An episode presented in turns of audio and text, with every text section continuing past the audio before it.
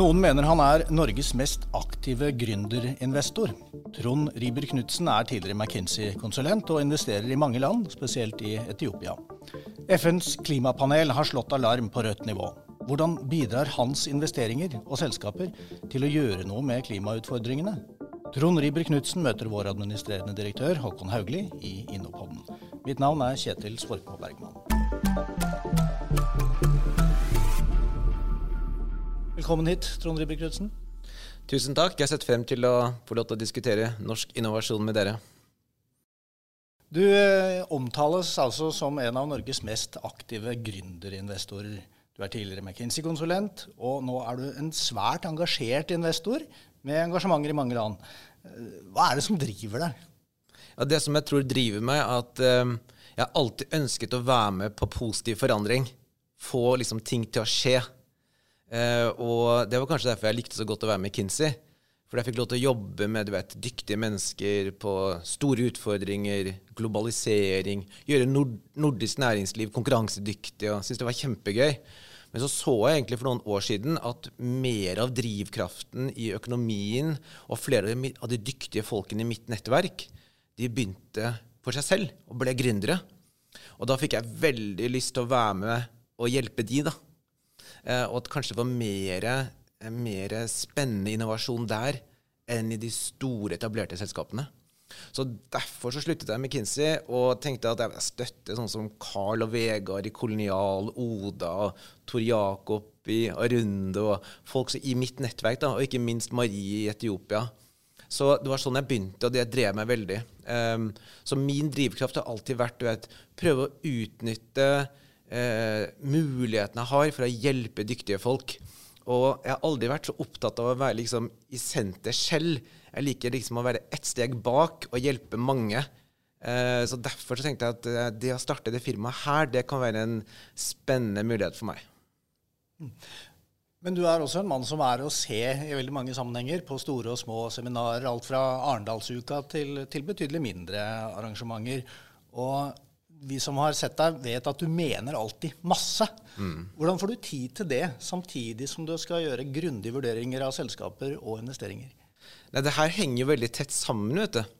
Um, for det første, da, så uh, Den rollen jeg har tatt, egentlig, er jo at jeg har prøvd å være med på egentlig fra et sånn samfunnsmessig perspektiv. Uh, å forandre å få Norge til å bevege seg ut av en litt sånn fossil uh, oljealder inn i en ny, grønnere, mer teknologisk drevet global industri, at det er viktig for Norge. Uh, og da har jeg ønsket å snakke med du vet, sånn som Håkon og dere i Innovasjon Norge, snakke med politikere, være tett på mine gamle du vet, klienter i konsernledelsen, store bedrifter, være med der det skjer, da, og inn i innovasjonsøkosystemet. Og da eh, er det jo helt naturlig eh, å stort sett stille opp når jeg blir bedt om å uttale meg. Eh, så alt det henger sammen. Så jeg har funnet ut at eh, hvorfor ble jeg invitert inn i Spacemaker som første investor og sånn. Jeg kjente jo egentlig ikke de. Så gikk jeg tilbake og fant at jo, det var fordi jeg sa ja til å stille opp og holde et foredrag hvor de gründerne så meg. Og så kom de tilbake til meg etterpå, og så fikk jeg være med. Så det er veldig sterke synergier. Så egentlig så er mitt råd til de fleste det er ikke si nei, si ja. For da åpner du dører. Så det er årsaken. Mm. Håkon, er det Trond snakker om med, med, bærekraft og grønne bedrifter, er det det samme som vi snakker om når vi snakker om det grønne skiftet?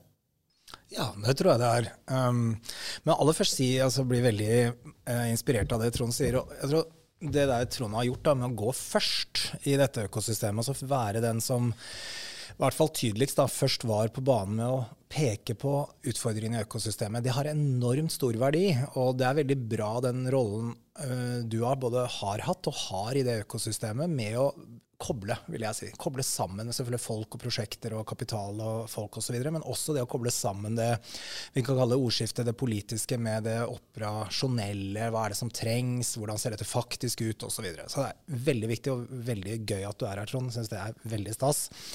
Og så til bærekraft. altså Um, det har skjedd et helt fundamentalt skifte, er min vurdering, i løpet av de siste fire-fem årene.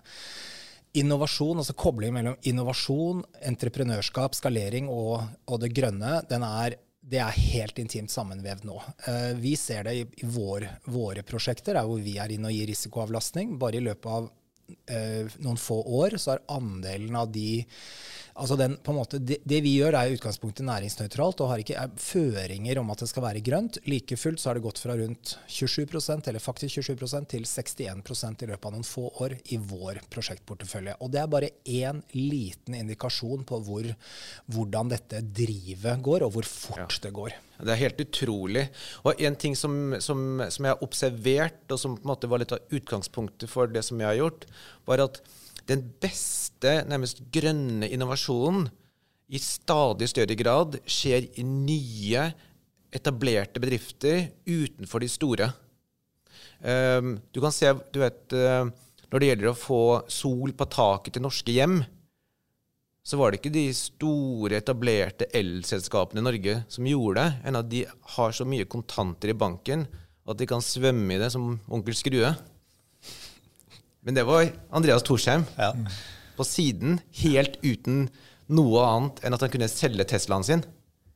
Men det var han som gjorde det. Med Ottovo. Det var han som gjorde det, med ja. Ottovo. Ikke sant? Når du skulle lage en løsning for norske familier slik at de kunne få dagligvare hjem Det var ikke de norske rikeste familiene vi har, som driver dagligvare, som gjorde det. Det var Carla Vegard, ikke sant? Som ikke hadde nåla i veggen. Så vi må ikke glemme dette. Og her er en stor utfordring for den norske stat, som har valgt i prinsippet å putte all kapitalen sin med de gamle incumbentene som driver forurensende virksomhet, og ikke er med på det nye. Og når de har valgt å ikke være med på det nye, så må folk som meg være det. Og heldigvis, da, så er kapitalmarkedet De ser det. Så kapitalismen fungerer. Skal du starte et nytt hydrogenselskap i dag, så er det billigere å gjøre det utenfor de etablerte aktørene, fordi at din kapitalkostnad er lavere når du starter noe nytt. Så det er en helt ny verden. Og i veldig stor grad begynte det her etter finanskrisen og bare blitt sterkere og sterkere. Så i dag så heier markedet på de nye. Men der var vi ikke helt for noen år siden, og det har vært veldig spennende å se den utviklingen. Og kapital inn i nyetablering i Norge nå har jo gått fra bare et par milliarder kroner for noen år siden til over 20 milliarder i fjor.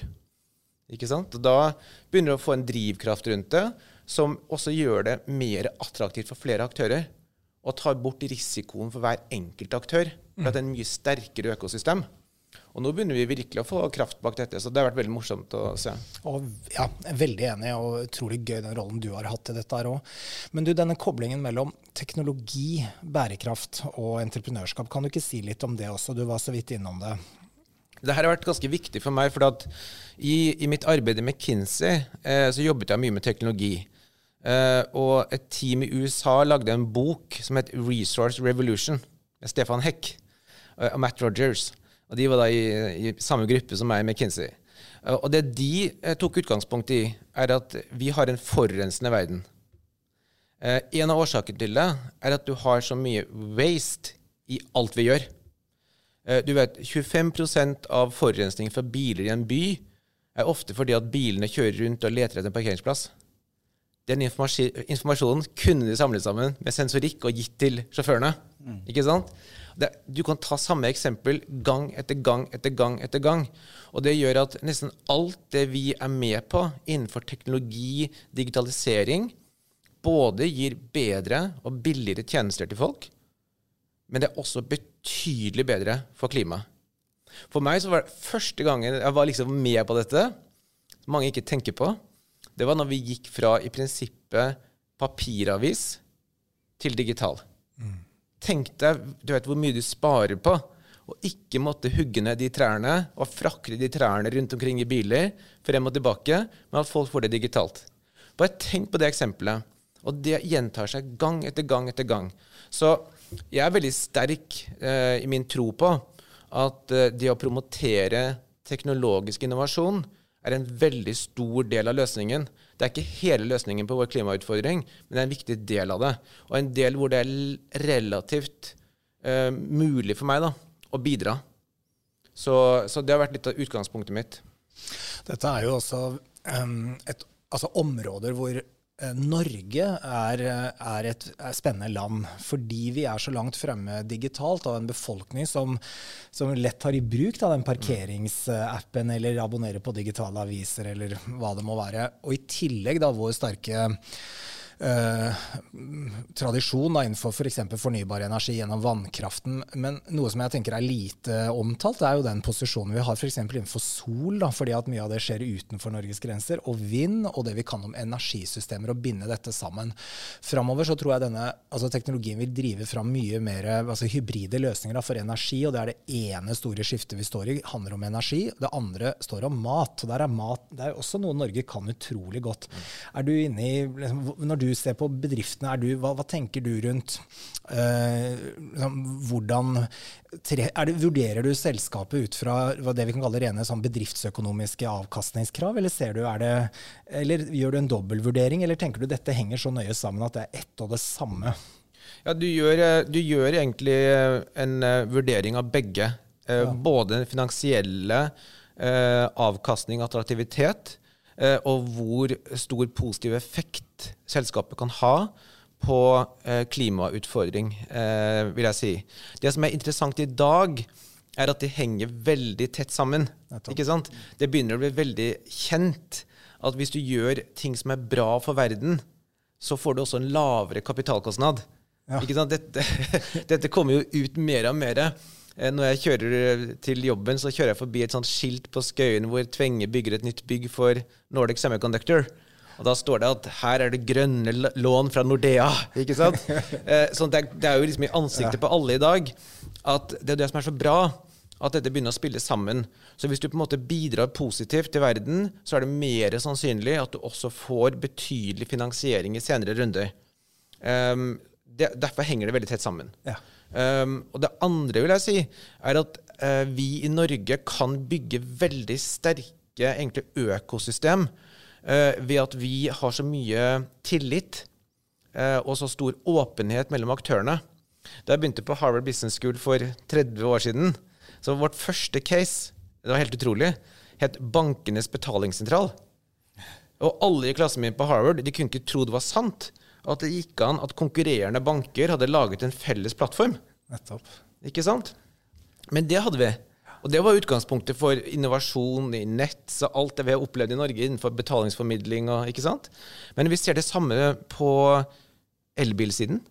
Når det gjelder på en måte infrastruktur for uh, ladesystem, ikke sant? som vi snakket om med Håkon også tidligere, med datadeling, tilgjengelighet, hvor du i en veldig fin måte eh, styrer gjennom samarbeid mellom aktører og privat initiativ og entreprenørskap. Eh, og vi har fått på plass noen fantastiske selskaper. Saptek, eh, Easy, uh, som jeg jobber veldig tett med av investor i. veldig morsomt å se.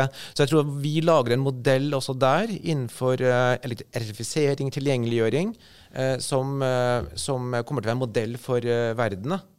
Så jeg kan se mange slike områder. Så som du kan høre, så er jeg veldig positiv med tanke på hva vi har fått til, men ikke minst hva vi kan bidra med ut av Norge eh, og ut i verden de neste fem til ti årene, for å se til at vi faktisk er en veldig betydelig del av eh, løsningen på de store utfordringene vi står overfor i verden. Veldig inspirerende. Altså jeg, jeg, tenker helt parallelt med det. Altså vår, eh, og det å få ned klimautslipp i Norge er selvsagt uh, viktig, men der hvor Norge virkelig kan spille en rolle, er på dette. Ved å være et, uh, utvikle løsninger som verden nå virkelig etterspør. Vi ser det jo gjennom våre kontorer ute i verden. altså EUs Green Deal er jo nærmest en invitasjon til Norge med å komme med den type løsninger. Tilsvarende i Nord-Amerika, i Asia. Det handler egentlig bare om vår da, felles evne til å, til å drive god utvikling, være tett på de potensielle potensielle kundene ut og bringe løsningene ut. Og vi har et ansvar for å gjøre det, tenker jeg også da. Men du, bare for å hoppe litt her, da. Det, Penda Papers, Etiopia, Marie. Det er jo også en fantastisk historie. Kan du ikke si litt om, om det, og, og, hvorfor eh, Etiopia? Jo, um, som jeg sa um, da jeg sluttet med Kinsey, da, så var jeg egentlig opptatt av at alt jeg nå skulle gjøre, skulle være uh, noe jeg virkelig brant for, fordi det var personlig viktig for meg. Ikke sant? Og en av de virkelig viktige tingene for meg er jo Etiopia og Øst-Afrika. Eh, og det begynner jo med at jeg er født i Etiopia, i Addis Abeba, eh, og alltid hatt en veldig tett eh, relasjon til Etiopia. Um, og Marie begynte jo med Kinsey for 12-13 år siden, og hun og jeg hadde en felles passion for dette. Så hun dro til Etiopia og startet med Kinsey-kontoret der da hun var 27 år gammel. Og vi har jobbet mye sammen. Um, og hun og jeg sluttet samtidig med Kinsey. Uh, hun ville bo i Etiopia, og vi ville gjøre noe godt for Etiopia. Uh, og da kom vi på at her er det jo ingen som tar vare på papiret. Ingen driver med resirkulering. Uh, så dette må vi starte med. Så vi bygget opp, og Marie da i front, bygget opp et stort firma i Addis Abeba med 4800 mennesker, som på systematisk måte innsamler papir og sørger for at det blir gjenbrukt.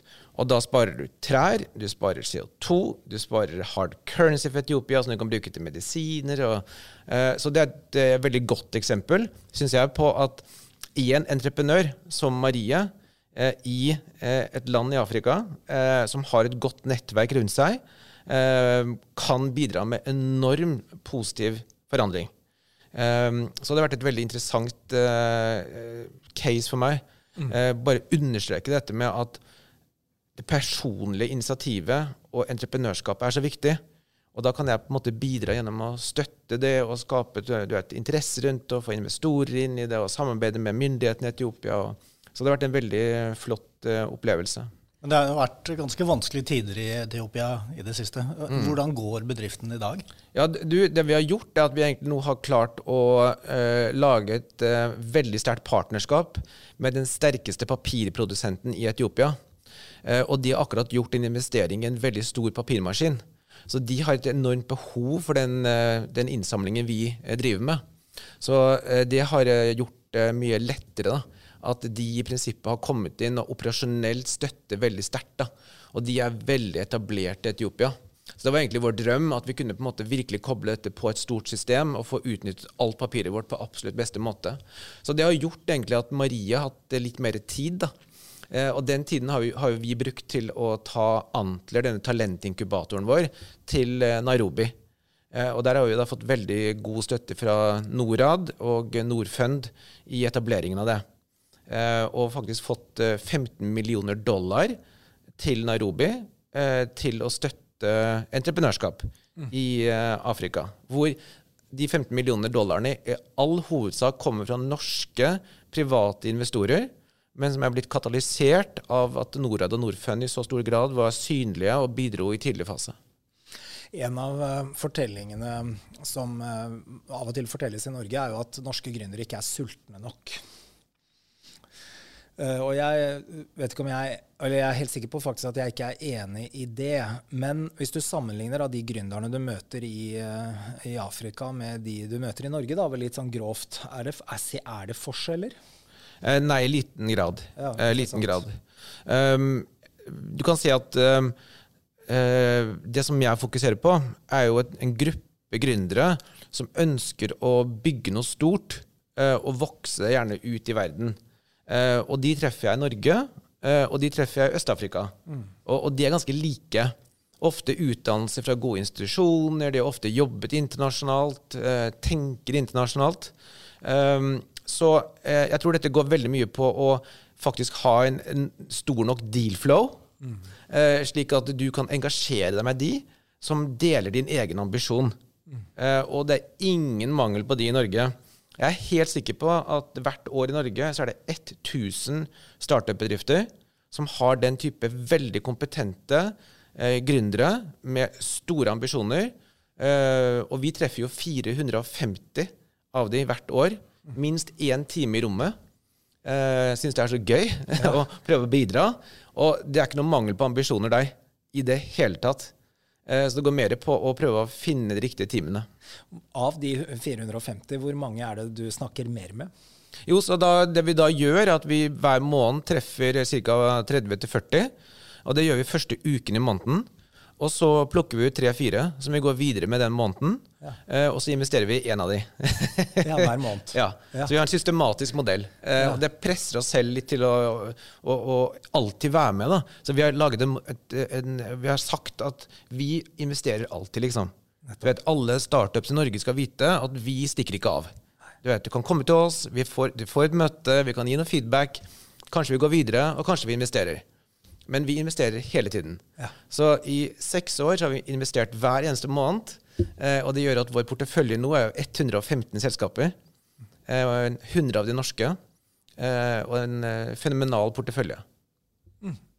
Det blir rett og slett veldig spennende å følge med på det i framtida.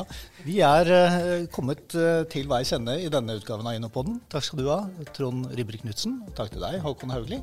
Mitt navn er Kjetil Svorkmo Bergman. Vi høres igjen.